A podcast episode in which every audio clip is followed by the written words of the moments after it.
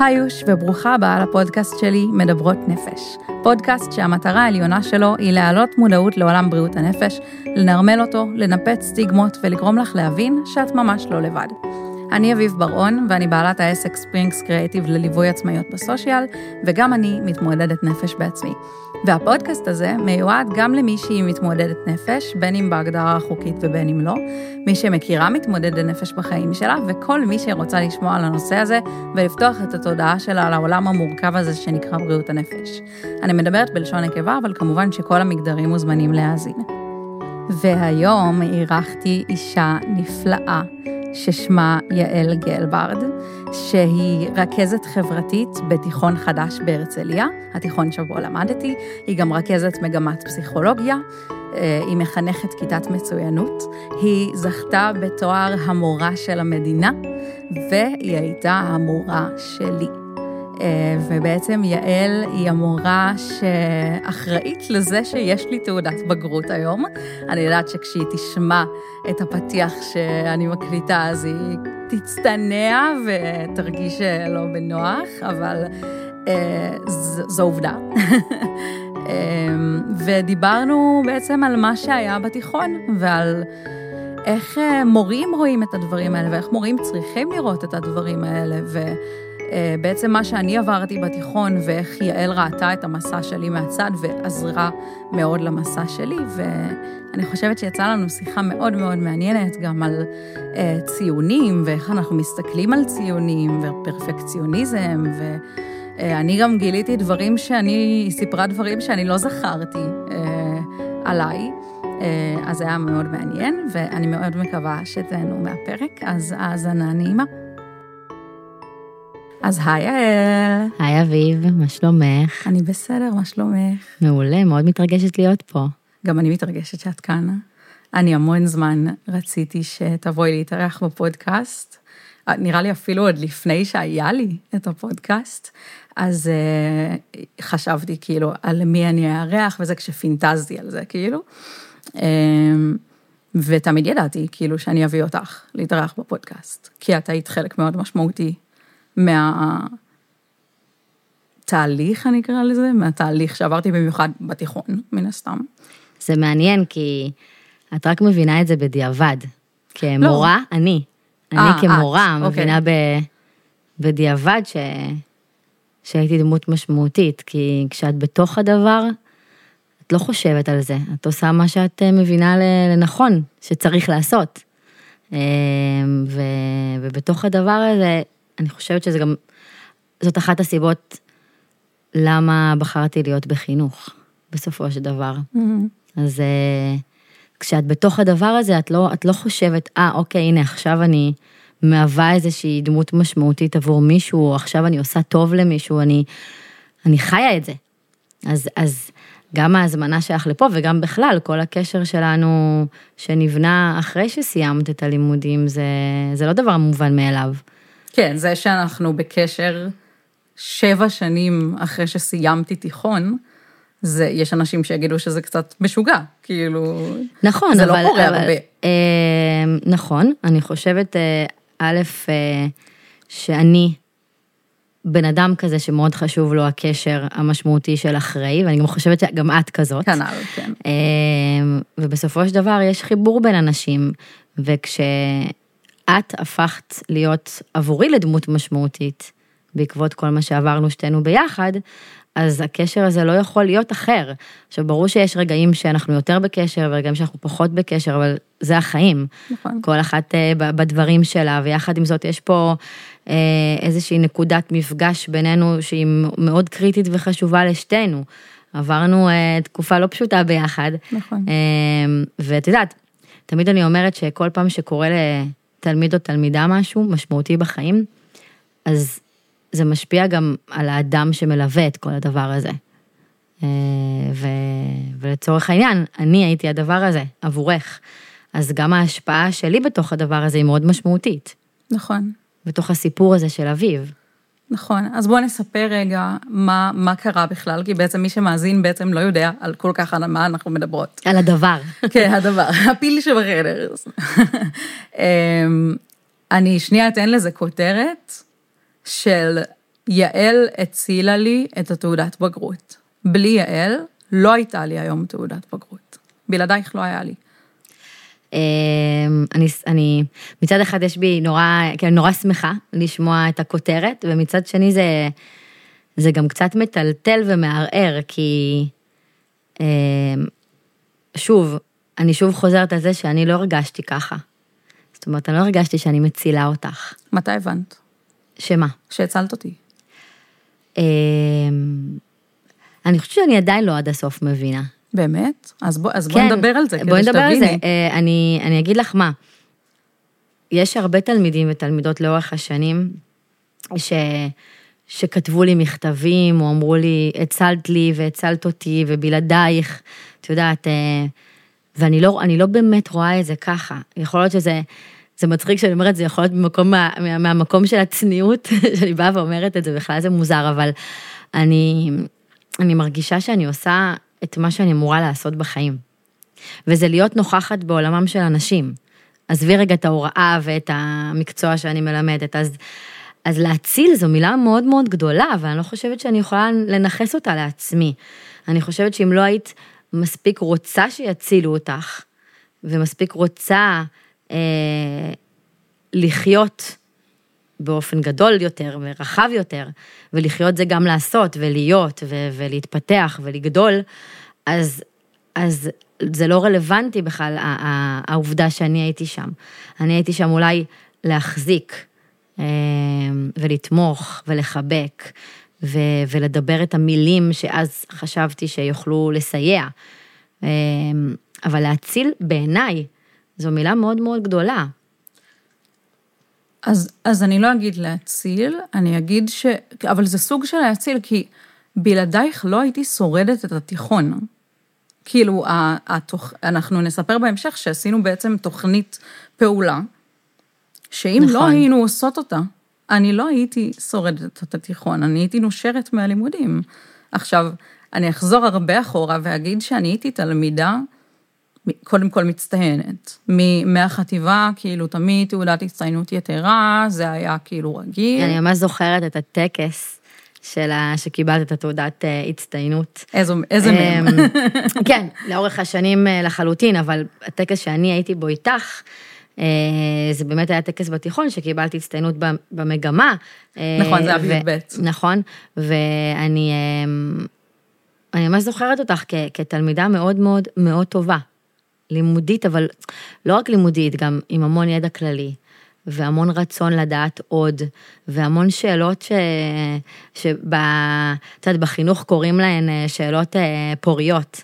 זאת אומרת, שאלות ש... שיש בהן המון אה, מעבר לכן לא שחור לבן, mm-hmm. לשאלות שאפשר להרחיב אותן ולחשוב עליהן בבית, וגם מישהי שקוראת המון ספרים נכון. ומאמרים, ו... ומאוד מוצלחת. על הנייר, את יודעת, מוצלחת על הנייר ומוצלחת גם בפועל. אה, ובגלל זה אני חושבת שהנפילה הזו ש... שחווית כתלמידה, אני חושבת שלקח לי זמן להבין שזה אמיתי. מבינה למה אני מתכוונת? נראה לי שלכולם לקח זמן להבין, אנשים הכחישו. למשל כן. ההורים שלי לא הבינו מה קורה בהתחלה. הם לא הבינו. נכון, כאילו... איך זה שאביב, הילדה כל כך אה, מצוינת אה, ומוצלחת, אה, פתאום חרב עליה עולמה, מה שנקרא, וככה ככה אני גם ראיתי את זה. עוד פעם, לא ישר, אבל, אבל אמרתי לעצמי, איך יכול להיות? כאילו, על מה זה יושב? את מכירה את המשפט הזה? על מה זה כן, יושב? כן. אז אני חושבת שהרבה אנשי חינוך שמתמודדים עם המון המון תלמידים, את יודעת, ויש תלמידים שהם, הם, הם, הם מצליחים במקצוע כזה או אחר, או, או נוכחים בכל השיעורים, או כאלה שנעדרים, ואז את אומרת על מה הדברים האלה יושבים, את לא מכירה את העולם הפרטי שלהם, את לא מכירה את הבית שממנו הם הגיעו, והרבה פעמים את נורא רוצה להבין, אבל מבחוץ, את לא באמת מבינה, כי את לא מכירה את העולם של הילד. נכון. ועד שלא שיתפת אותי במה שעובר עלייך, אז מבחינתי כמורה זה, זה מה קורה לה, כאילו היא הולכת לאיבוד, כזה. כן. אז בעצם מה שקרה זה ש... אמ, אני הייתי, היה לי מאוד חשוב תמיד להיות נוכחת בבית ספר, ולא לא אהבתי חיסורים, אה, ו... אמ, לא אהבתי להפסיד לימודים, לא בגלל שזה יוריד לי מהציון, בגלל שאני אוהבת, כמו שאמרת, אני כאילו צמאה ללמוד. הייתי מאוד תלמידה שלא רק שההישגים שלה גבוהים, אלא שהיא פשוט מאוד מאוד אוהבת את זה, וגם הייתי, ש... הייתי באמת שואלת המון שאלות בכיתה ומצביעה תמיד, ו... וזה משהו, אגב, שאת אומרת אותו, וזה כאילו קצת מכווץ אותי, כי אני יודעת שהתלמידים שהיו איתי בכיתה, מאוד לא אהבו את זה. שאני כל הזמן מצביעה וכל הזמן עונה וכל הזמן יש לי את התשובה וכל הזמן יש לי שאלות. ואני זוכרת שגם הייתה איזושהי אמירה על איזושהי שאלה מאוד מורכבת ששאלתי את אחד המורים בשיעור משפטים, ומישהי אמרה כזה, איזה שאלה מטומטמת. עכשיו, זה שאת לא הבנת על מה אני מדברת, זה לא אומר שהשאלה שלי מטומטמת, אבל הייתה לי מאוד חוויה, היו לי הרבה חוויות של דחייה. בתיכון. אני מבינה, ואני חושבת שמה שיפה לראות זה שלך יש את היכולת אה, לנקות, זאת אומרת, לפחות ככה חשבתי, שאותה תלמידה שאמרה אה, איזו שאלה מטומטמת, או כל תלמיד או תלמידה אחרת שגרמו לך להרגיש את התחייה הזו, אני חושבת שאולי אה, בו ברגע התבאסת, כעסת, אבל כן יכולתי להבחין ואולי אני טועה, שוב, אבל כן יכולתי להבחין ביכולת שלך גם לנקות את הרעש הזה. אבל עובדה וכן, שאני עדיין זוכרת את זה. אוקיי, כי זה השפיע, כי זה משפיע. אבל זה לא אומר שלא הצלחת לנקות את זה ולהבין מי את בתוך הדבר הזה, ואני חושבת שבאופן כללי, תלמידים שהם עם הרבה ידע ואינטליגנציה גבוהה, ואגב, גם אינטליגנציה רגשית גבוהה, המסביב לא תמיד יכול להבין, להפנים ולהכיל את הדבר הזה. Mm-hmm. בטח לא בני נוער שעוברים כל כך הרבה דברים במהלך החיים. אז באה מישהי עם המון ידע ורצון ללמוד, אה, וכן, ויכול להיות שזה הציק לאנשים בעין, אבל אני לא הרגשתי אותך כמישהי שמפחדת מזה. לא פחדתי מזה, אבל היום, נגיד, אה, אני עוד מעט אספר לך משהו ש... שקשור לאחד הסיפורים ש... שאנחנו נספר פה, אבל אם אני אהיה בכיתה, אז אני מאוד אפחד להיות עצמי ולהביע את עצמי ולענות את כל התשובות שאני יודעת לענות עליהן ולהצביע כל הזמן וכל הדברים האלה, כי זה קצת, אה, כאילו מה שקרה בתיכון היה קצת, כאילו, לא בא לי להגיד טראומטי, אבל כאילו מיני, מיני טראומטי כזה בקטע של... זה השפיע עליי, כאילו הייתי מאוד דחויה בגלל זה. זה היה טריגר להרבה דברים. כן. זה היה טריגר להרבה דברים, ו... ואולי איפשהו, עכשיו כשאני חושבת את זה, כשאני שומעת אותך מדברת, אז אני לא הצלחתי באמת באמת להבחין במקום הטראומטי הזה בהתחלה. אף אחד לא, מבינה? זה, זה גם אני לא הבחנתי, אני לא הבנתי נכון, את הדבר הזה. נכון, היום כשאת מודעת למה שאת עוברת, אז אני חושבת שהרבה יותר קל לך לבוא ולהגיד, היום אם אני אהיה בכיתה, אז אני אפחד יותר, או אני אחשוש יותר, אבל אז ראיתי אביב מאוד חזקה מול הדברים האלה, אביב מאוד דעתנית, עם, עם עקרונות מאוד ברורים, יודעת מה, מי היא ומה היא. לפחות אז זה מה, ש, זה מה שהוא עבר גם לתלמידים בכיתה, ויכול להיות שזה מה שעורר קצת אנטגוניזם, כי ילדים בגיל הזה לא באמת מבינים מי הם ומה הם, ולוקח להם זמן, לוקח להם תהליך מאוד ארוך, וזה ממש בסדר. וגם אני, כמורה שלך, ובואי, אני לא הייתי מחנכת שלך, אני הכרתי אותך בשיעורי פסיכולוגיה, שאומנם אה, אה, זה עולם ומלואו בשיעורי פסיכולוגיה, אנחנו מוצאים המון שיט במרכאות מהחיים שלנו, אבל, אה, אבל לא ראיתי אותך, אה, את יודעת, אה, שמונה שעות ביום, או עשינו המון שיחות בהתחלה לפחות, עד, שאת, עד שהצלחנו להתקרב ולהבין ככה על מה מדובר.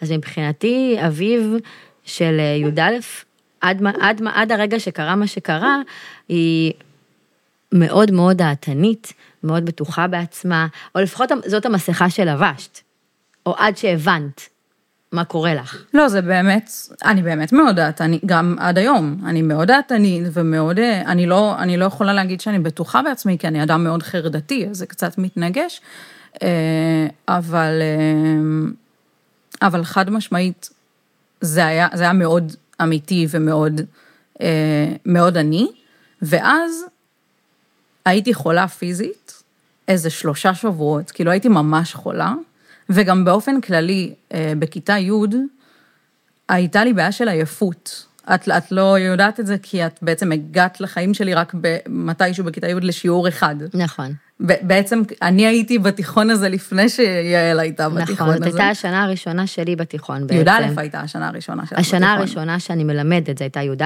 ושנה נכון. הראשונה כשפגשתי אותך, זה בעצם היה בסטאז' נכון, שלי. נכון, ואת העברת לנו שיעור אחד. נכון. אני זוכרת את זה ממש. נכון. אה, ובעצם, עכשיו כשאני מסתכלת על זה בדיעבד, זה שהייתי חולה במיטה אה, במשך שלושה שבועות, אה, נתן לה, וכאילו הייתי, זה הכריח אותי לנוח, ואני הייתי מאוד, ואני עדיין, פרפקציוניסטית, ודורשת מעצמי, וזה גם הגיע מהבית. התעודות הצטיינות זה, זה משהו שהוא הפך להיות, הצבתי לעצמי איזשהו רף, ולא הייתי מוכנה לרדת מהרף הזה. ואני חושבת שזה מה שגרם לי להמון חרדה של אה, אפס או מאה, כאילו אני חייבת לקבל מאה במבחן, והייתי נגיד, לפעמים, את האמת שהייתי מגיעה הביתה עם מבחנים שהייתי מקבלת 97, והתגובה הייתה, למה לא 100? איפה השלוש נקודות? כן. ו... תגובה שלך או של ההורים? של ההורים.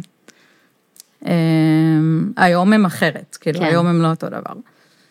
ובעצם אחרי, כאילו, כיתה י' שהיה כזה חשד למחלת הנשיקה, כי הייתי עייפה מאוד אה, כל הזמן, אני זוכרת שהיה לי גם בן זוג, ו...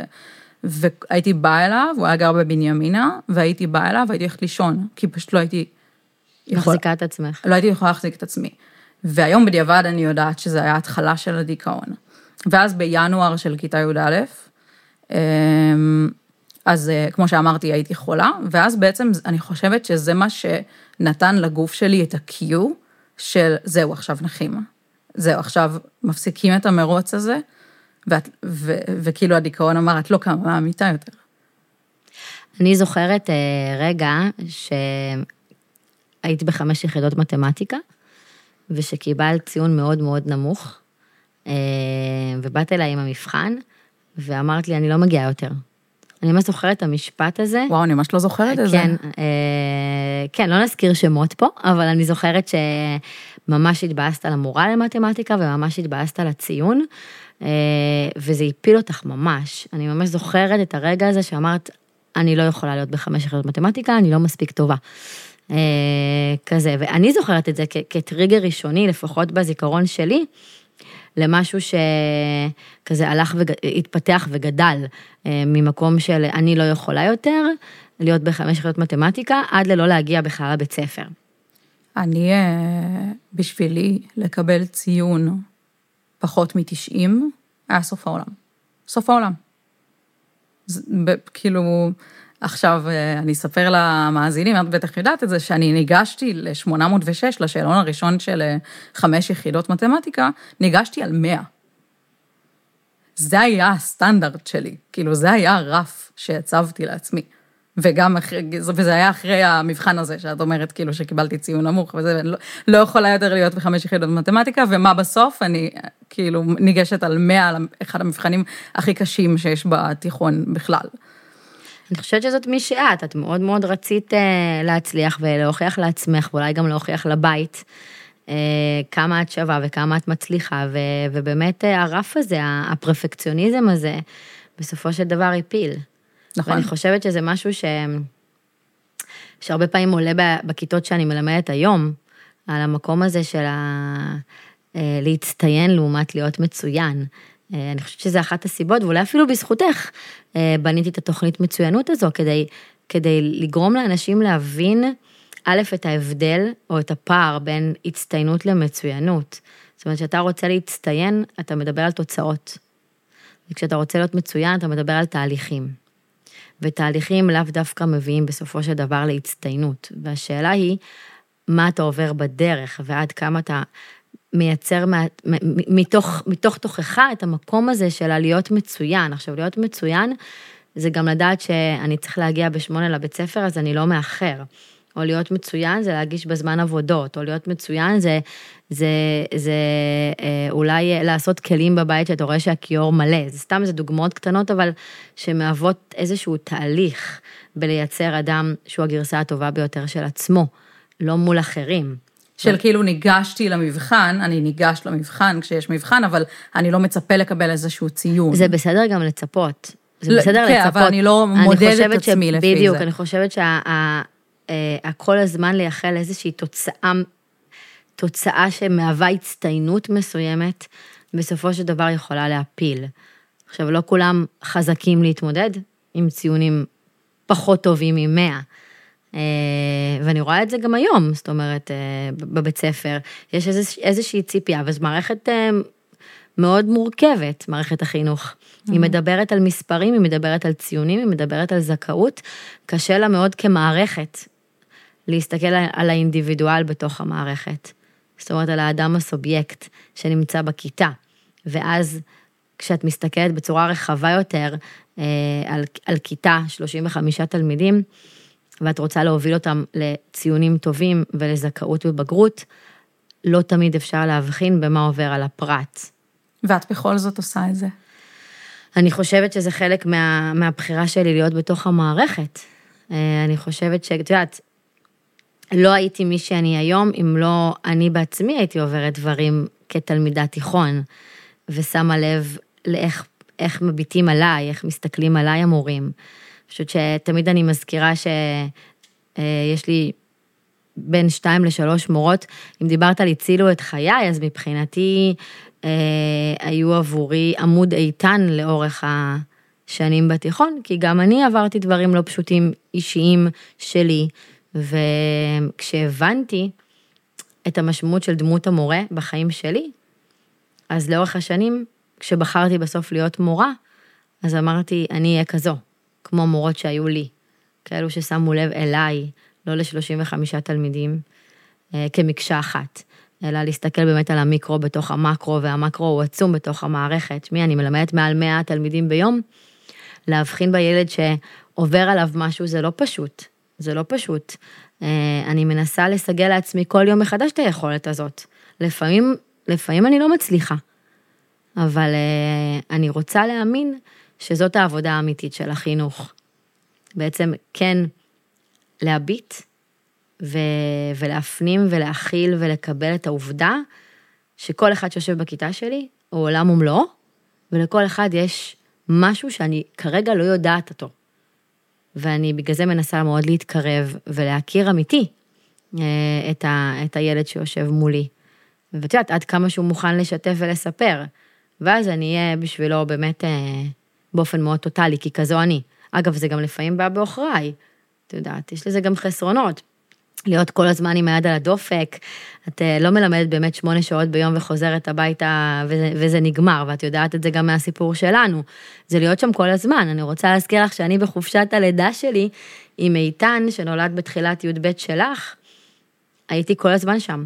נכון. אה, רגע, אבל שנייה, נחזור טיפה, אחורה? טיפה אחורה, מתי, את בעצם אמרת לי בשיחה המקדימה לפודקאסט, שאת כן שמת לב שמשהו עובר עליי, למרות שלא היית מחנכת שלי, למרות שהיית אמורה לפסיכולוגיה שלי והיית רואה אותי כמה שעות בשבוע.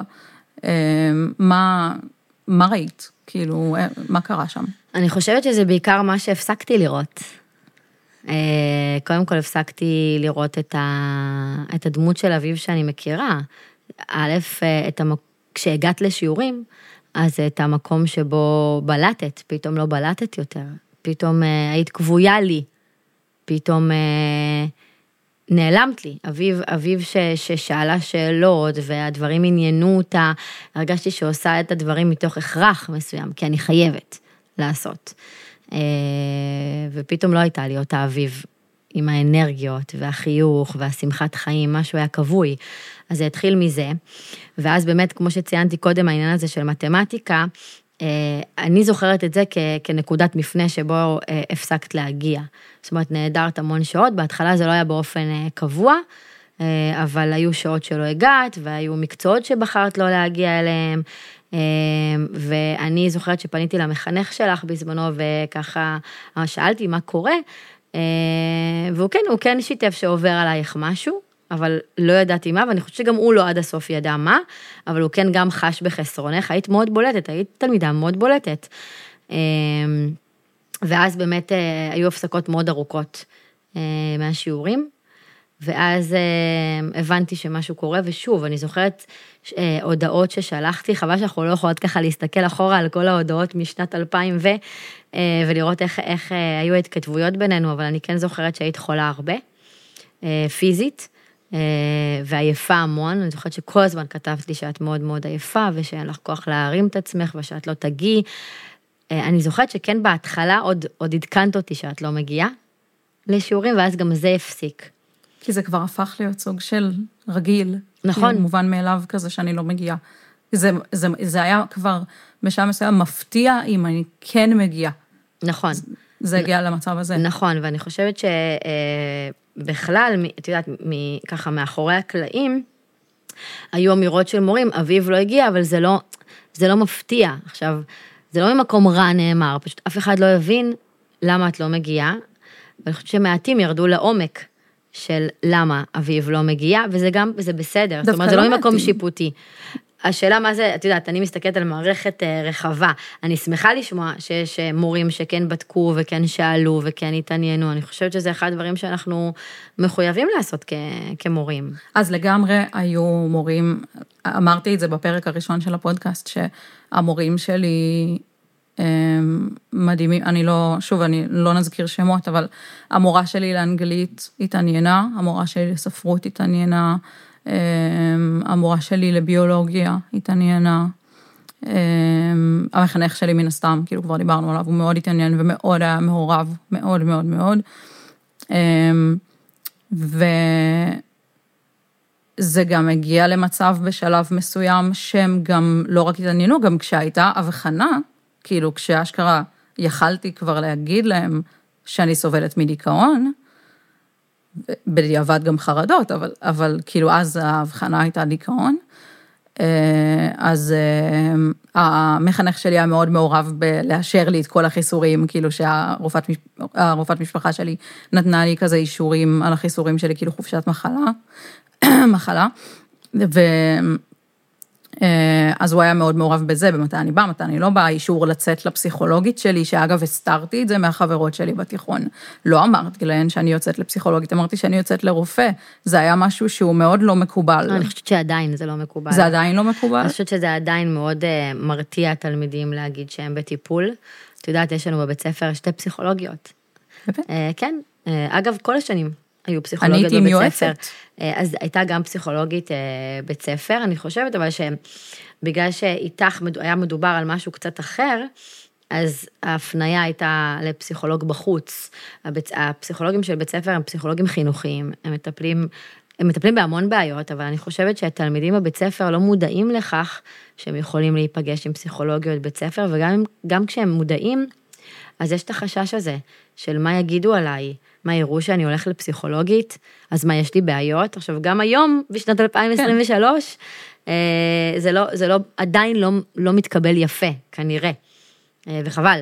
חבל. באמת חבל, גם בשביל זה הפודקאסט הזה, בשביל לנרמל, בשביל לגמרי, לגמרי. זה ממש בשביל אני זה. אני חושבת שיש פה נרמול של כמה דברים, אה, ואני רגע עוצרת את, ה, את השיח שלנו, אבל כן להגיד שגם דיברנו קודם על מצוינות והצטיינות, אז כל העניין הזה של תהליך מול תוצאה, אה, המקום הזה שאת לא יכולת להביא ציון שהוא מתחת למאה.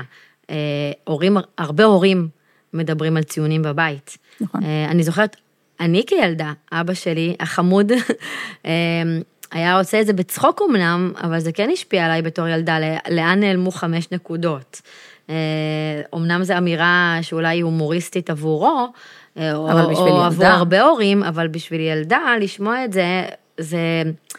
זה משאיר אותה עוד פעם במקום כזה, רגע, אבל הבאתי 95, למה אנשים לא מרוצים על ה-95? למה יש ציפייה כל כך גבוהה? ואז כשאת לא עומדת בציפיות גם של החברה, אבל אז גם של עצמך, אז, אה, אז את נשברת. זה בעצם מה שקרה לי. את נשברת. זה בדיוק מה שקרה כן. לי. ויש כאלה שמאוד קשה להם לקום אחר כך מהשיוורון הזה. אז אני, אז אני קודם כל ממש שמחה לשמוע שהיו עוד מורים אה, שתמכו ו, ושהיו שם ושעשו כל מה שהם יכולים בשבילך. אני חושבת שזה סופר חשוב, ואני ממש גאה בתיכון, באמת, שאני מלמדת בו, אה, כשאני שומעת את הסיפורים האלה, כי קל מאוד אה, לנרמל את זה אחרת, להגיד, אוקיי, בני נוער הם כאלה, הם לא מגיעים ולא אכפת להם משום דבר, וטוב, שאביב לא תבוא, נכתוב חיסורים, אה, ניתן ציונים נמוכים ונגמר הסיפור. אז היו מורים כאלה, לגמרי היו אז, אז יש ויש, ועדיין טוב לשמוע שיש את המורים כן, אה, שכן היו שם עבורך. לגמרי. אז היו מורים שהיו נותנים לי שיעורים פרטניים ומשלימים לי את החומר שהפסדתי כשלא הייתי. והיו כאלה שהיו נותנים לי מועדי ב' ומועדי ג' ומועדי ד' ומועדי בית, כי כל פעם מהחרדה להיות בכיתה עם כולם, אחרי כל כך הרבה זמן שלא הייתי, אז הייתי מבריזה ממבחנים, כאילו הייתי לא מצליחה להגיע למבחנים. אה, אז נתנו לי עוד מועדים. והייתה גם מורה, המורה שלי לאנגלית המהממת, אה, שמה לב באמצע מבחן, אני ממש זוכרת את זה, שהיא שמה לב שאני בחרדה ממש, והיא הציעה לי לעשות את המבחן בכאילו חדר נפרד. לבד. לבד. עכשיו, המורים סמכו עליי שאני עם טלפון ויש מולי מחשב וזה, ואני לא נוגעת. וברור, ש... ברור שאני לא אגע. כאילו, אם סומכים עליך כל כך, שנותנים לך כאילו לשבת לבד בכיתה עם טלפון ומחשב וכל החומר נגיש והספר בתיק והכל כאילו, מי אני ש, ש, שלא אקח את הכבוד שהם נותנים לי ואתן אותו בחזרה. אני חושבת שראו אותך פשוט. ממש, ממש ראו אותי, אבל מי הכי ראה אותי? מי הכי ראה אותך? את. זה תמיד כזה מביך. אני אפילו לא יודעת להגיד למה זה מביך, את יודעת, זה, זה מעניין. כי את צנועה. גם כשאני ממש רוצה לספר את זה, שכשלפני שזכית בלהיות המורה של המדינה, אז הייתם מועמדים 15 אה, אנשים בסופו של דבר. נכון. ואז אמרת לי, אמרתי לך, את בטוח זוכה, אמרתי לך. כאילו, את, נכון. אין מצב שאת לא זוכה, ואמרת לי, מה, אביב, אבל יש שם כל כך הרבה מורים מדהימים, מכל מיני מקומות, שעושים דברים מדהימים, ואיזה סיפורים יש להם, וזה, ואני אומרת לך, כאילו, תגידי, מה, כאילו, פה זה המקום לספר שליעל יש כל מיני פרויקטים שהיא עושה.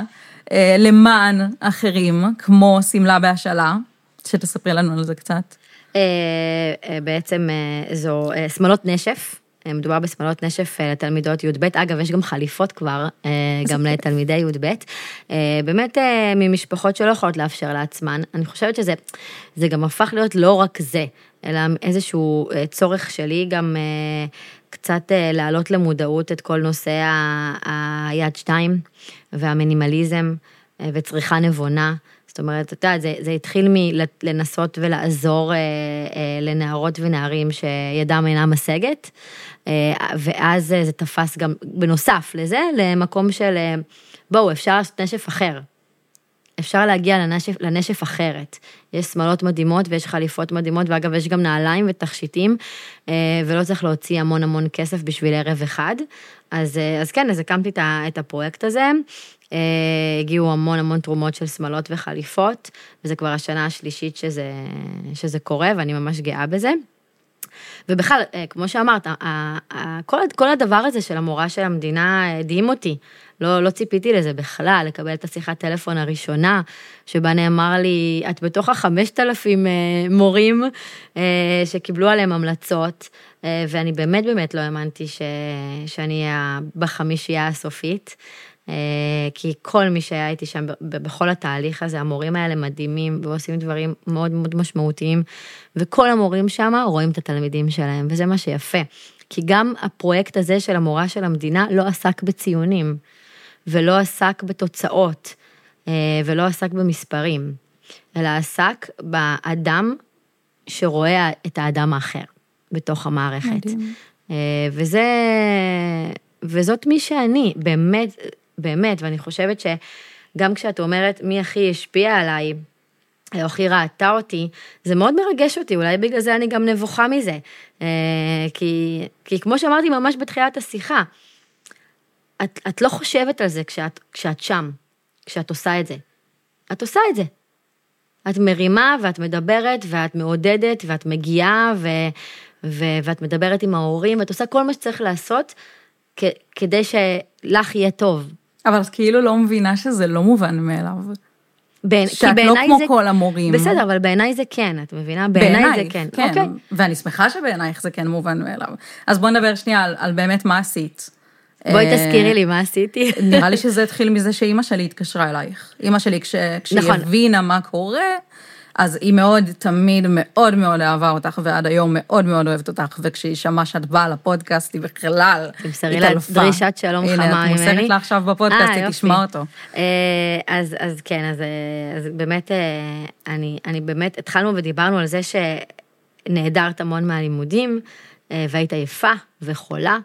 ואני זוכרת שכשאיתן, הבן הקטן שלי, נולד, אה, זה היה בתחילת אוקטובר, שבעצם את היית כבר בי"ב, אה, ואני זוכרת שיחת טלפון מאימא שלך, שאמרה, תשמעי, אה, נהיה רע. כאילו, את יודעת, משהו, משהו בסגנון הזה, אני לא מצטטת, אבל... כן, המצב ממש החמיר. המצב, המצב ממש ממש החמיר. אביב בכלל לא קמה מהמיטה לשום דבר. והלימודים בסופו של דבר הם מאוד מאוד חשובים, ואני כן רוצה שהיא תצא עם תעודת בגרות כלשהי. זאת אומרת, הציון כבר לא היה פרמטר, העיקר, ש... העיקר שתגיעי, כי בסופו של דבר, את יודעת, ההגעה למסגרת, שתהיה איזושהי מסגרת ששומרת עלייך, ותצאי ותנשמי אוויר ותהיי נוכחת בכיתה, גם אם לא תעשי שום דבר, הוא סופר חשוב, וזה גם משהו שאני אומרת לתלמידים. בואו לכיתה, פשוט תשבו שם, אתם לא צריכים באמת להקשיב, אתם לא צריכים באמת לכתוב, אתם לא צריכים באמת לגשת למבחנים, פשוט תהיו נוכחים בבית ספר, כי רק הקימה מהמיטה והצחצוח שיניים בבוקר ולבישת הבגדים והיציאה החוצה לעולם היא סופר משמעותית, וברגע שהיא הסבירה לי שזה לא קורה, שהמצב הזה הפסיק בעצם אה, לקרות אצלך, אז אה, זו עוד נקודה אדומה ככה שהעירה אותי, ואמרתי, אוקיי, אני באה, כאילו, אני, מה, מה צריך לעשות? מה, מה, איפה אתם צריכים אותי? אמ, ואני אפילו זוכרת שהייתה פעם אחת ששמתי את איתן במנסה והגעתי. אה, יכול להיות שזה גם היה לבית קפה, אבל אני זוכרת באמת איזשהו מפגש שאיתן, הוא היה תינוק, וככה עם המנסה הגעתי. אה, אני זוכרת שגם פעם אחת באתי וראיתי אותך במיטה. זאת אומרת, לא, לא באמת, בפוקוס, אני לא כן, כן, את זה. לא בפוקוס בכלל. כן. אה, לא נשארתי הרבה זמן, אבל באמת דיברתי עם אמא שלך וניסיתי להבין, והמפגש בבית קפה, היה באמת איזושהי נקודת מפנה גם עבורך. נכון. אמ, אני קלטתי שפשוט צריך להקל עלייך. שפשוט צריך להגיד לך, אביב, תקשיבי, זה בסדר שתצאי מ-12 שנות לימוד בלי תעודת בגרות. הכל בסדר, לא יקרה כלום. השלמות אפשר תמיד אחר כך, ואולי גם את זה לא צריך. אבל בואי ננסה שכן, ואצלי, מה שהוביל אותי היה הרצון שלי שתקומי מהמיטה ותצאי. זה, זה התחיל משם. אז אמרתי לך, עזבי, ישבנו בבית קפה, אני, את ואימא שלך, ואמרנו, בואי נוריד מקצועות, בואי ננקה.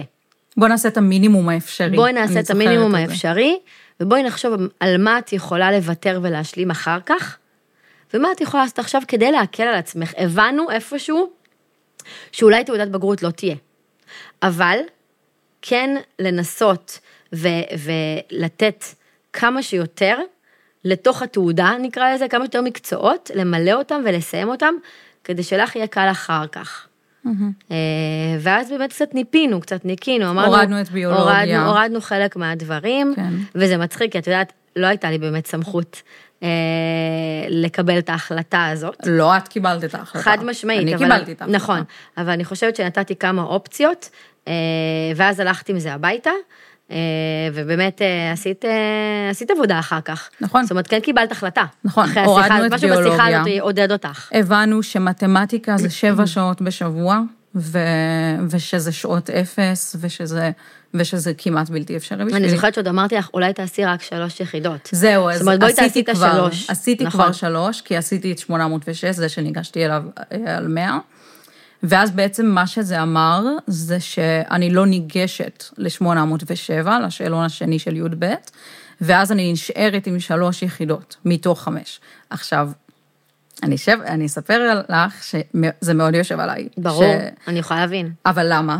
כי בתעודת בגרות שלי לא כתוב מתוך חמש, או ברמה של חמש. ברור, זה שלוש יחידות. שלוש יחידות לכל, לכל דבר. נכון. עכשיו, לי יש תשעים.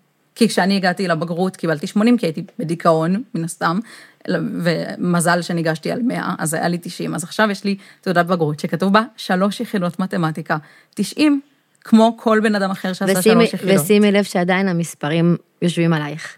זאת אומרת, עדיין עם כל התהליך שאת עוברת, כשאני רואה אותך, ואני כן רואה אותך עכשיו, מדברת על המספר שלוש ועל הציון 90, זה יושב. זה אבל מציק. אבל אם היה כתוב ברמה של חמש יחידות, הייתי עוזבת את זה. כי אני, וואי, בא לי לבכות, אני קראתי את התחת כדי להשיג את זה. נכון, אבל... חמש יחידות זה כל כך קשה. ואני הייתי יושבת כל יום במרכז למידה שהיינו לומדים בו אחר הצהריים, שש שעות כל יום הייתי יושבת שם, וניגשתי על מאה, זה מטורף, כאילו, מי, מי מאוד, ניגש על מאה? עבדת מאוד מאוד קשה, ואני חושבת שגם... ולא קיבלתי את הקרדיט, זה מה שמציק לי, שעבדתי מאוד קשה ולא קיבלתי על זה קרדיט. אז אני אספר לך שאני עכשיו מתכננת להשלים את ה-807. מעולה, אני... ולו, ולו רק בשביל שיהיה כתוב חמש יחידות. לא, אבל זה ממש משהו שהוא בשביל אני, עצמי. כן. זה ממש משהו ש... לא, אני לא, אני לא צריכה את זה בשביל, כנראה בשביל תואר. אמ, אבל המלווה שלי מסל שיקום, כאילו, כשדיברנו על התעודת בגרות שלי, בדקנו מה ממוצע הציונים שלי וזה, אז כשאמרתי שלוש יחידות, זה היה לי ממש קשה להגיד את זה, והדגשתי שזה ברמה של חמש וזה, ואז היא הבינה שזה יושב עליי, כן. והיא אמרה לי, אולי תעש, אולי כאילו תשלימי. את ה... אני חושבת שזה משהו שאולי גם ינקה ממך קצת. לגמרי. אה, השאל, מה, ש, מה שלי חשוב להגיד לך, ועוד פעם, המורה, המורה ש, שבי יוצאת, זה שבאמת תעשי את זה נטו בשבילך, ו, ו, וגם תבררי עם עצמך, עוד פעם, את המקום הזה בעיניי, של למה זה חשוב.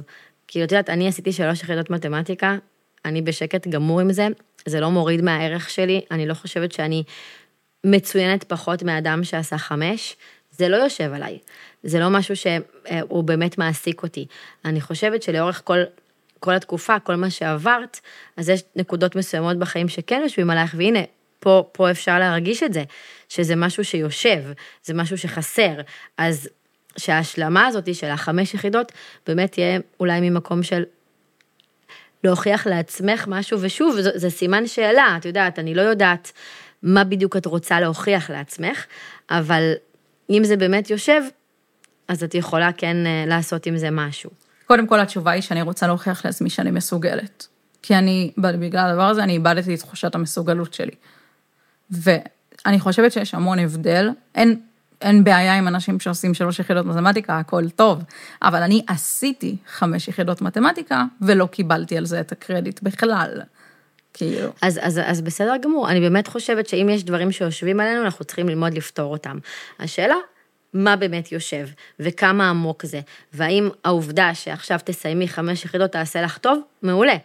זאת אומרת, זה עושה לי מאוד טוב, נכון, בגלל זה אני עושה את זה. אז, זה, אז זה, זאת, אה, זאת המטרה בסוף, שיהיה לך טוב. אגב, אני אבוא לתיכון חדש לעשות את הבגרות. מעולה, תגידי שלום למי שיישאר שם. זה יהיה במאי.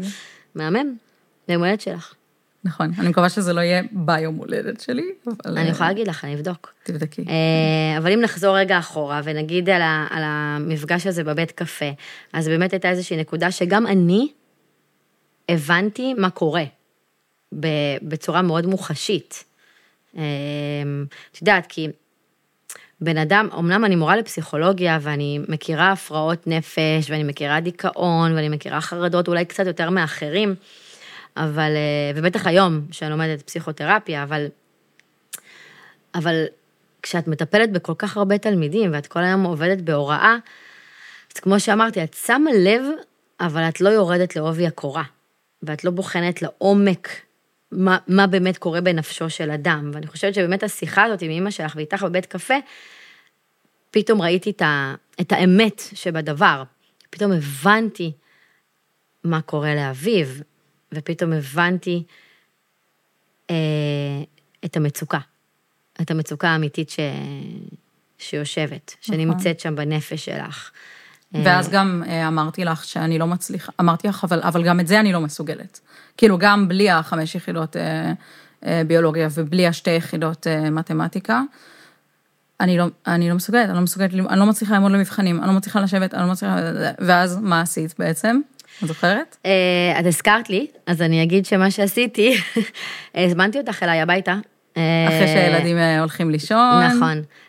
ובאמת למדנו הרבה מקצועות חדשים גם לי, כמו כן, ספרות. ספרות, אזרחות, נכון, תנ"ך. נכון. פשוט נפגשנו אצלי בבית עם החומר, וישבנו וקראנו ולמדנו ועשינו חזרות למבחנים. אה, האמת היא שאני אני באמת, את יודעת, זכרתי את זה במעורפל, אבל כשהזכרת לי את זה אמרתי, וואלה, את יודעת מתי, מתי הזכרת לי את זה? אחרי שבאמת זכיתי במורה של המדינה, ואמרתי לך שדיברתי על, איזוש, על איזושהי תלמידה שלי לשעבר שעברה חרם מאוד קשה, mm-hmm. ואז זרקת לי את זה ככה בטלפון, מה, את לא זוכרת שהייתי אצלך ו, ולמדנו ועזרת לי ללמוד לכל המבחנים, ואז, ואז באמת אה, זה צף. זה נכון, את היית אצלי. רגע, למה היית אצלי? ואז הכל כזה חזר אליי. כן, לקח לי זמן להיזכר, בכל זאת עברו כמה שנים ואני לא צעירה. אמ, אבל, אבל כן, היה לי מאוד חשוב שתצליחי. היה לי מאוד חשוב שתצליחי, אבל לא שתצליחי בהכרח בציונים, את זה כבר הבנת, אלא שתצליחי להאמין בעצמך, אלא שתצליחי להאמין שאת מסוגלת, ואת תגיעי לבית ספר ואת תעשי את המבחנים ואת תצאי עם כמה שיותר מקצועות, כדי שאחר כך יהיה לך יותר קל. זאת הייתה המטרה. בסופו של דבר, מערכת החינוך, אמרתי גם קודם, היא לא בית משפט, והיא לא בית חולים, והיא לא מוסד פסיכיאטרי, היא מערכת חינוך. ובתוך המערכת הזאת, אני צריכה כמורה לעשות את כל מה שאני יכולה כדי להוציא את התלמיד, אה, כמו אמרתי קודם, הגרסה הכי טובה של עצמו. עכשיו, מבחינתי, זאת הייתה המטרה. זה, המטרה הייתה שאביב תראה את עצמה כמסוגלת, כמאמינה בעצמה, עם ביטחון ועם ערך. את יודעת, זה מה שיכולתי לעשות במסגרת היכולות שלי בתוך המערכת, והנה עובדה גם מחוצה לה. כי כן באת אליי הביתה וכן למדנו וכן עשינו מה שיכולנו כדי לגרום לך למסוגלות, לתחושת מסוגלות. ועשית את זה בסוף. ובסוף זה גם הוביל לזה ש... אמנם לא קיבלתי תעודת הצטיינות יתרה בסוף י"ב, אבל קיבלתי תעודת הצטיינות יתרה במדעי החברה. נכון. שזה היה בשבילי, כאילו, כאילו כבר כל כך לא ציפיתי לזה. כאילו, כבר ויתרתי, כאילו כבר ויתרתי על היחידות האלה, על השבע היחידות האלה, וויתרתי על הציונים, יש לי ציונים ב... בתעודת בגרות, זה יישמע לכולם כמו כזה אוי אוי אוי, אבל יש לי 80 בתעודת בגרות, שזה משהו שהוא לא מאפיין אותי בכלל, כאילו רוב הציונים שם הם 90 ומעלה, כי כל הציוני הגשה שלי היו 90 ומעלה. כאילו ה-80 שאת מתארת עכשיו, וכשאני מסתכלת עלייך, זה כאילו את מרגישה שזה בינוני. את מבינה? בשבילי. בשבילך, ברור, בשבילי, אנחנו, ובאמת אנחנו מדברות בסדר. רק עלייך. זה ממש בסדר לקבל 80 במבחן, זה ממש לא, בסדר. לא, תראי, אנחנו מדברות עלייך, אבל, אבל את יודעת, אני יושבת פה ואני מסתכלת עלייך, ואנחנו כאילו חוזרות אחורה לתקופה ההיא, וזה, ואני רואה איך זה משפיע גם עכשיו, זאת אומרת, ה, ה, ואני לוקחת את זה למקום של להיות בינוני לעומת המצטיין, ואיפשהו, גם ה-97 שהזכרת קודם, וששאלו אותך בבית, אבל למה לא 100, זה כאילו משאיר אותך באיזושהי בינוניות, בתחושה שלך, אנחנו מדברות כרגע רק עלייך. Mm-hmm. ואני חושבת שדווקא המקום שאני נורא רוצה להנחיל לתלמידים שלי ללהיות מצוין, זה גם להיות מצוין כשיש לך 80, וזה גם להיות מצוין כשיש לך 40 ו-50, כי להיות מצוין זה לא המספר שתקבל במבחן, זה ההשקעה וזה התהליך. תשמעי, אני, כשאני רואה אותך היום עם כל מה שעברת, את מצוינת, בעיניי. את מצוינת, ואת לא מצוינת בגלל מספר כזה או אחר.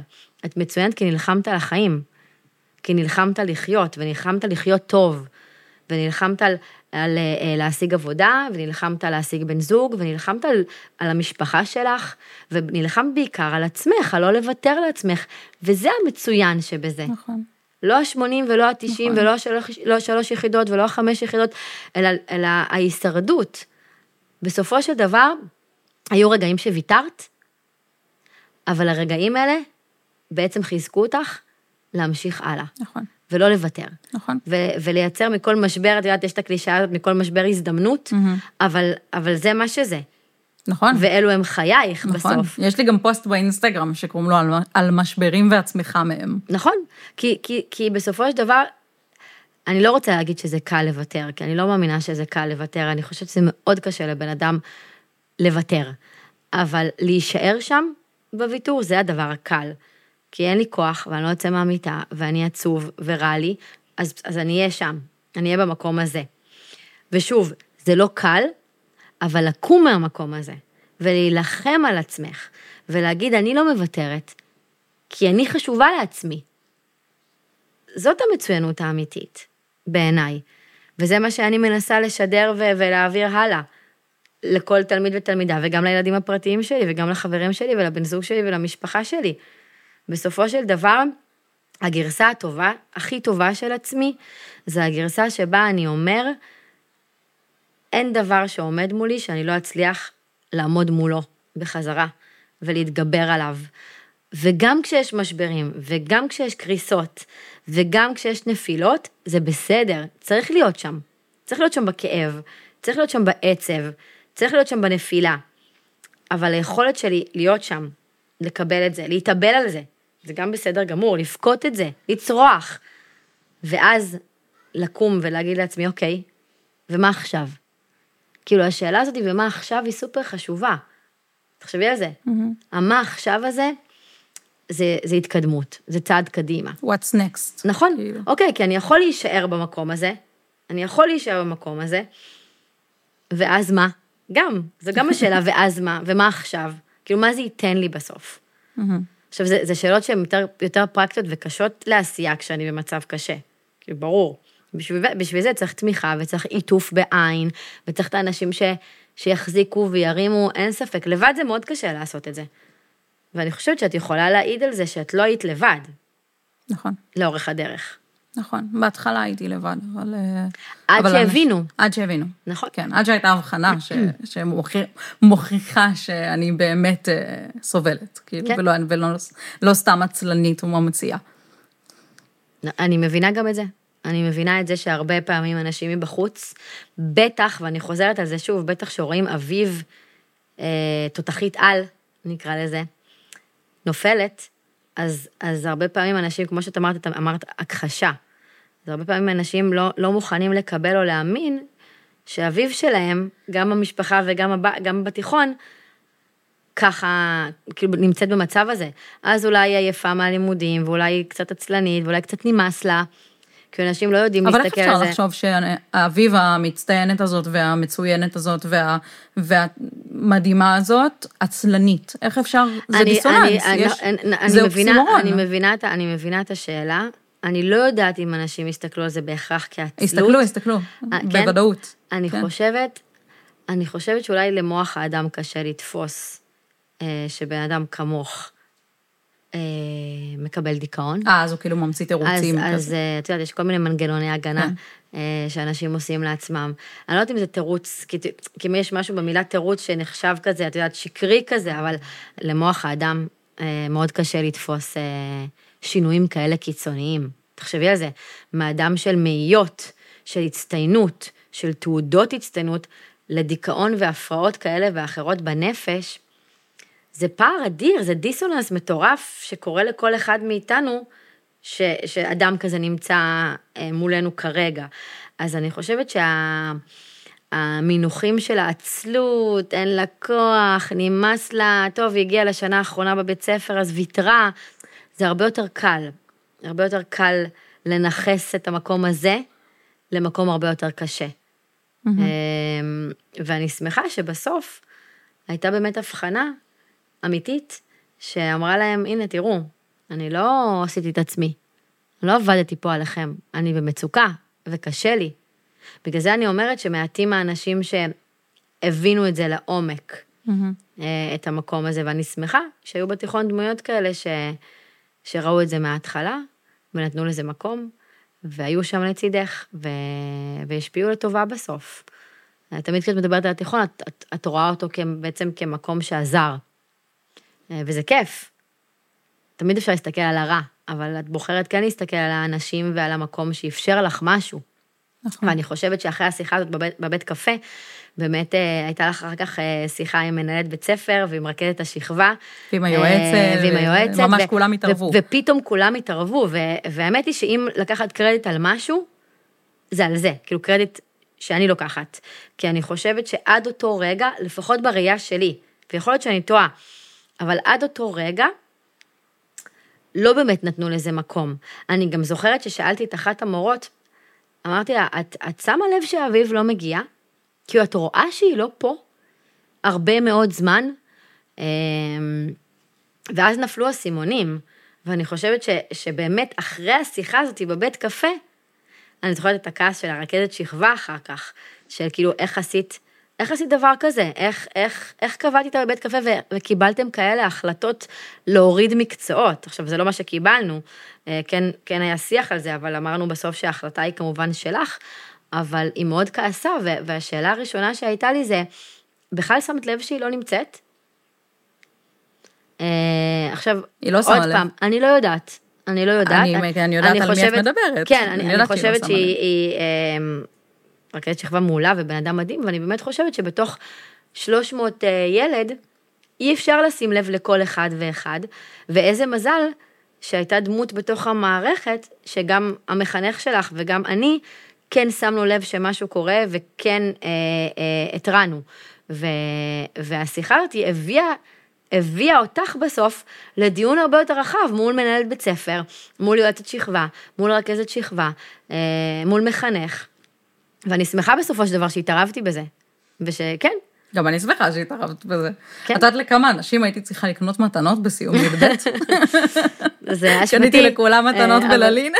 בסדר, אבל, אה, אבל, וגם לזה יש משמעות בסוף, כי, כי כי אנשים כן אה, ראו אותך. מדהים. וכן כן. נתנו, לך, נתנו לך את המקום שראוי. ובואי, ובואי נדבר גם על אחרי, כאילו, אחרי י"ב. בסופו של דבר, כל, ה, כל הקשר בינינו המשיך הלאה והלאה והלאה, ועברת כל מיני נקודות משבר, גם אחר נכון. כך.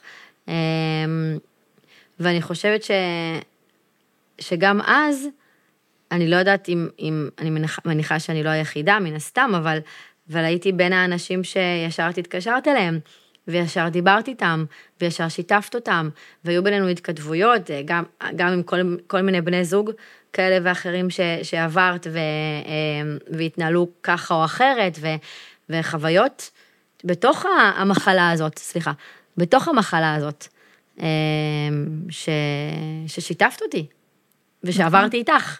בסוף. זה מדהים שאנחנו בקשר, אני צרופה על זה. אני כן? ממש אוהבת את זה. אני שמחה שאת אוהבת את זה. לא, זה, זה, אני חושבת שיש משהו חזק שנוצר בין, בין אה, מורה ותלמידה, או, או דמות, אה, נקרא לזה המבוגרת האחראית, אז, אה, וגם היום אני חושבת ש, ש, שרואה אותך. עכשיו, שוב, שתינו חיות חיים מלאים בעשייה. אה, כזאת או אחרת, ו, ואנחנו לא יכולות להיות בקשר כל הזמן. בדיוק. ו, ועדיין, אני חושבת שכשעובר עלייך משהו, או שיש איזשהו אירוע מיוחד וייחודי, את יודעת שאני פה. את יודעת שאני שם. אגב, וגם זה הפוך. וזהו, וכנ"ל, וזה הפוך. את יודעת שאני, אה, שאני עליתי שלבים בתחרות הזאת, אני לא יודעת אם לקרוא לזה תחרות, זה מוזר, אבל בדבר הזה של המורה של המדינה, היה לי מאוד חשוב לשתף אותך. היה כן, לי מאוד חשוב שתהיי חלק, נכון? כמו שאמרתי מקודם, על אה, מה, מי אני שאבחר להיות המורה של המדינה. נכון. אבל, אבל זו את. נכון, כאילו, ואני אבל... חושבת שהחיבור בינינו אה, הוא מאוד מאוד חזק, לאור כל הדבר הזה, לאור כל התהליך נכון. ש, שעברנו ביחד. ואני באמת קוראת לזה עברנו ביחד, כי, כי את יודעת, בעצם הייתי חלק מזה. חלק, חלק מכל מה שאת עוברת. אני חושבת שגם עד היום, את יודעת, יש לך, יש לך מקום אצלי בלב שהוא מאוד מאוד גדול, אה, ואני דואגת לך. זאת אומרת, כשאת מעלה איזשהו אה, אה, סטורי או איזשהו פוסט על התקופה, ש... על, על רגע לא טוב שלך, אז זה יושב אליי, אני רוצה שיהיה לך טוב, את חשובה לי מאוד, ועברתי איתך המון שלבים בחיים לא פשוטים. אז, אז אני תמיד עם יד על הדופק, אני תמיד רוצה לדעת שהכל טוב, את יודעת, שאת בטוב. אה, אז, אז כן, אז אני שמחה שאני דמות משמעותית עבורך, ו, וחשוב לי גם שתדעי שאת דמות משמעותית עבורי. זה לא פחות. או, לא, זה היה כזה, כן. תודה. בבקשה. אז לסיום. כן. מה היית רוצה להגיד ל... מורים חדשים שנכנסים למערכת, על, על כאילו, כאילו בסגנון של כזה, איך, איך לראות את הדבר, איך למצוא את המצבים האלה של, של, של, של, של לראות את הפרט בין כל התלמידים. קודם כל זה מאוד קשה, אה, צריך להגיד, בטח למורים חדשים במערכת. מורה חדש במערכת, הוא צריך גם לראות אותו. את יודעת, לפני שהוא רואה אחרים, צריך לראות אותו.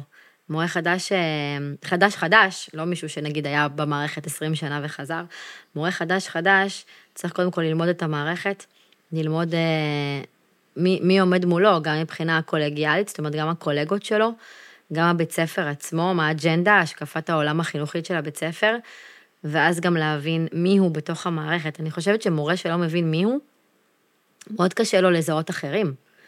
אה, זאת אומרת שמורה חדש, קודם כל צריך להבין מה האג'נדה שאיתה הוא מגיע. איך הוא רוצה לחנך בני נוער, מה חשוב לו.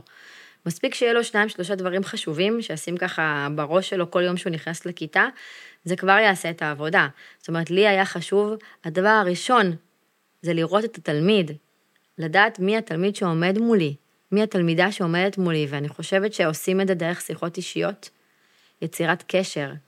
את זוכרת שסיפרתי לך על קפה חדש, לדוגמה, שזה בית קפה כזה שרציתי, כן. ש... מה זה רציתי? עשיתי, לייצר בין מורים ותלמידים, זאת אומרת שזה באמת שיח בלתי אמצעי, לא בתוך כיתה, עם כל מיני תלמידים, לאו דווקא כאלה שהוא מלמד בהכרח, ו- ו- וזאת על מנת להכיר יותר, ואני חושבת שזה, אם, אם מורה באמת רוצה לדעת מי עומד מולו, הוא צריך להכיר, והוא צריך לייצר כמה שיותר שיחות אישיות. וגם אפילו, את יודעת, אצלי זה קל, כי אני גם שולחת הרבה פעמים הודעות אחרי צהריים של מה שלומך ומה שלומך ומה חדש, כי לא תמיד אני מצליחה כל יום לדבר עם כולם. ו- ו- וזו דרך חיים, זאת אומרת, מורה חדש שרוצה להשפיע באמת על התלמידים שנמצאים אצלו בכיתה, צריך להכיר אותם. צריך להכיר אותם מבחינה סובייקטיבית.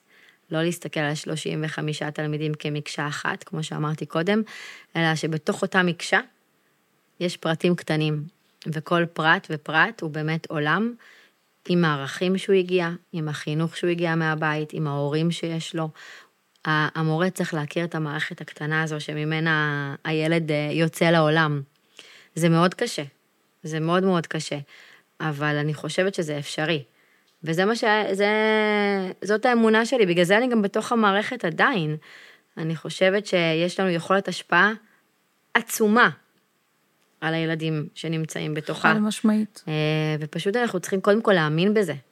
להאמין בזה, ולא להגיד משפטים כמו, טוב, מה אני יכול לעשות? כאילו אני רואה אותו לכמה שעות ביום והוא הולך הביתה, יש כל כך הרבה מה לעשות. כל כך הרבה אה, אה, כוח שיש לנו בלפתח מיומנויות רגשיות, מיומנויות חברתיות, מעבר להוראה, ושוב, אני תמיד שמה אותה בצד, כי, כי ללמוד מקצוע זה קל.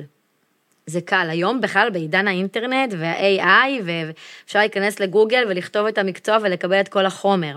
אנחנו המורים מתווכים את החומר, אנחנו מעשירים את הילד בידע. זה בסדר, אני שמה את זה בצד. אם אין פניות רגשית לילד, לא תהיה לו פניות לימודית. חד וחלק. וצריך לזהות את זה. צריך לזהות את הילדים שאין להם כרגע את הפניות הזו. ובשביל זה צריך להכיר אותם יותר. וזו עבודה קשה, אבל בעיניי זה הכרחי על מנת להיות איש חינוך טוב, או אשת חינוך טובה. מדהים. חפרתי, אה? לא, לא חפרת. יופי. את מהממת. תודה, גם את. תודה שהתארחת בפודקאסט שלי. תודה שהזמנת אותי. זה באמת היה מרגש, ובאמת אה, תודה על, ה, על הזכות הזו. תודה לך על כל מה שעשית, ואת עדיין עושה. ושוב אני מובכת. תודה, אביבוש. וואו, איזה מסע מרגש עברתי עם יעל בפרק הזה, ובכללי עם יעל בחיים. כמו שהבנתם, אנחנו מכירות שנים רבות.